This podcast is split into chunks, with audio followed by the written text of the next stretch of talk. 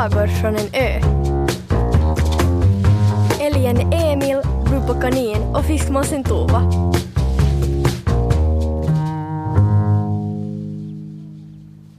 Älgen Emil ryckte till så häftigt i hängmattan att repet brast.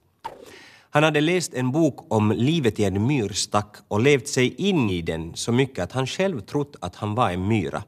Då något vitt hade dykt ner mot honom och skrikit med gäll röst. En stund låg han stilla på marken och ställde om sig från myra till älg. Han märkte att han hade fyra ben och inte sex och att han hade horn och att han hade en stor bak som ömma efter fallet. Fiskmåsen Tova landade bredvid honom. Packa din ryggsäck, ropade hon, för nu ska du på ditt livs äventyr. Vi ska till Estland. Äh, inte alls, muttrade Emil. Nu ska jag leta efter ett nytt rep till hängmattan. Va? Är du rädd för äventyr? frågade Tova. Fast du är så stor. Äh, jag är inte rädd för någonting, bara ointresserad. Tova spände ögonen i Emil. Båten är packad och bensintanken fylld. Emil skakade på hornen. När han var liten älgkalv stod han en gång på stranden med sin pappa och såg ut över havet.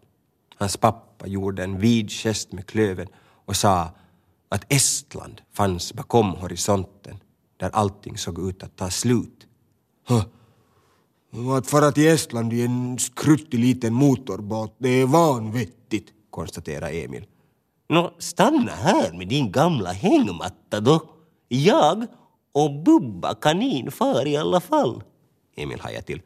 Sa du Bubba? Bubba verkar inte det minsta rädd. Hoppas nu bara att hon kan simma. Emil sprang mot sitt hus. Uh, vänta, ropade han. Jag kommer. Eh, jag ska bara hämta min flytväst. En stund senare knuffade Emil ut båten medan Tova ivrigt heja och eh, Bubba Kanin satt på frambänken och åt kanelbullar. Äh, får, får, du inte hett i den där? frågade Bubba och pekade på Emils flytväst. Den var gjord av kork, så den var så stor att den täckte halva mulen. Säkerhet framför allt, frusta Emil när han hoppade i båten och försökte undvika att trampa på kaninplupparna som Bubba släppte ut då och då när magen blev för full. Tove styrde med säker fot rakt ut mot havet. När vi kommer fram ska vi gå på spa och ligga i en bastu med sjögräs över ansiktena. Och sen ska vi gå på lyxrestaurang och äta ålpasta med ostronsås. Oj, oj, oj, ropade hon över motorbullret. Havet glittrade och vinden kittlade mot fjädrar och päls. Emil svettades, men ibland kom det en större våg som strittade lite vatten in i båten. Hornen fungerade som skålar som långsamt fylldes med vatten. Det svalkade skönt. Bubba klättrade upp och la sig till rätta i ett av hornen med en bulle i vardera tassen.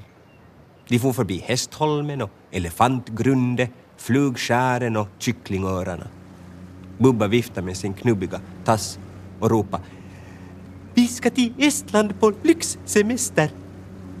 En äldre spindel som satt i en fiskebåt muttrade Ser för, kör inte in i mitt nät. Så småningom blev det glesare mellan holmarna, men ännu var det långt till horisonten.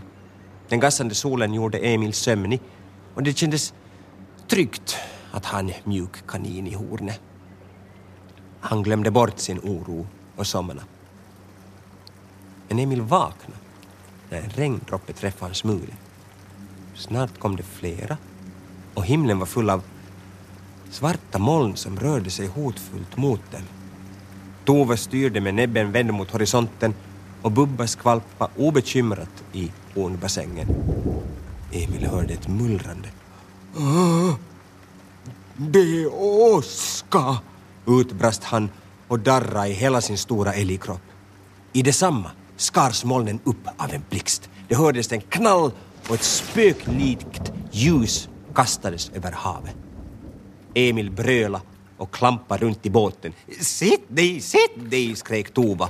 Men Emil fortsatte att klampa runt tills en klöv gick igenom båtens botten och det började strömma in vatten.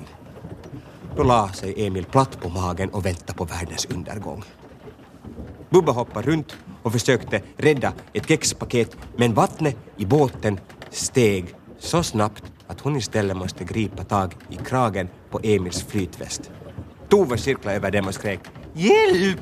Ni sjunker! Åh, allt är mitt fel! Farväl ålpasta, farväl mina vänner! Båten försvann under havsytan. Men Emil flöt och Bubba på kanin lyckades kravla sig upp på hans huvud. Åskan fortsatte mullra och regnet öste ner så att dropparna studsade mot vattenytan. Jag tycker om dig, ropade Bubba i Emils öra. Kom ihåg det! När Emil redan hade gett upp hoppet om att någonsin få känna fast mark under klövarna igen hördes ett dovt tutande. Bö! En stor båt stannade intill dem och i fören stod en uniformklädd valross och viftade med betarna. Åh, kliv in ombord, stolliga laddkrabbor. uppmanade han. Och var är kaninens flytväst då? Och du där uppe, sluta flaxa och slå dig ner. Det är sjöbevakningen, ropade Tova. Vi är räddade. De tre vännerna satt med ryggarna mot Estland och horisonten och frös medan valrossarnas sjöbevakningsbåt förde dem hem, Kom ihåg sa Emil. att jag avrådde er från den här resan. Jag minns att du påstod att du inte var rädd för någonting. påminde Tova, Nå, det är jag inte heller. sa Emil. Jag ville bara inte att blixten skulle slå ner i hornen. Bubba tvinnade snöret på Emils flytväst runt sin knubbiga tass. Vilken tur att du hade den där, sa hon. annars hade vi nog sjunkit och blivit uppätna av ålar.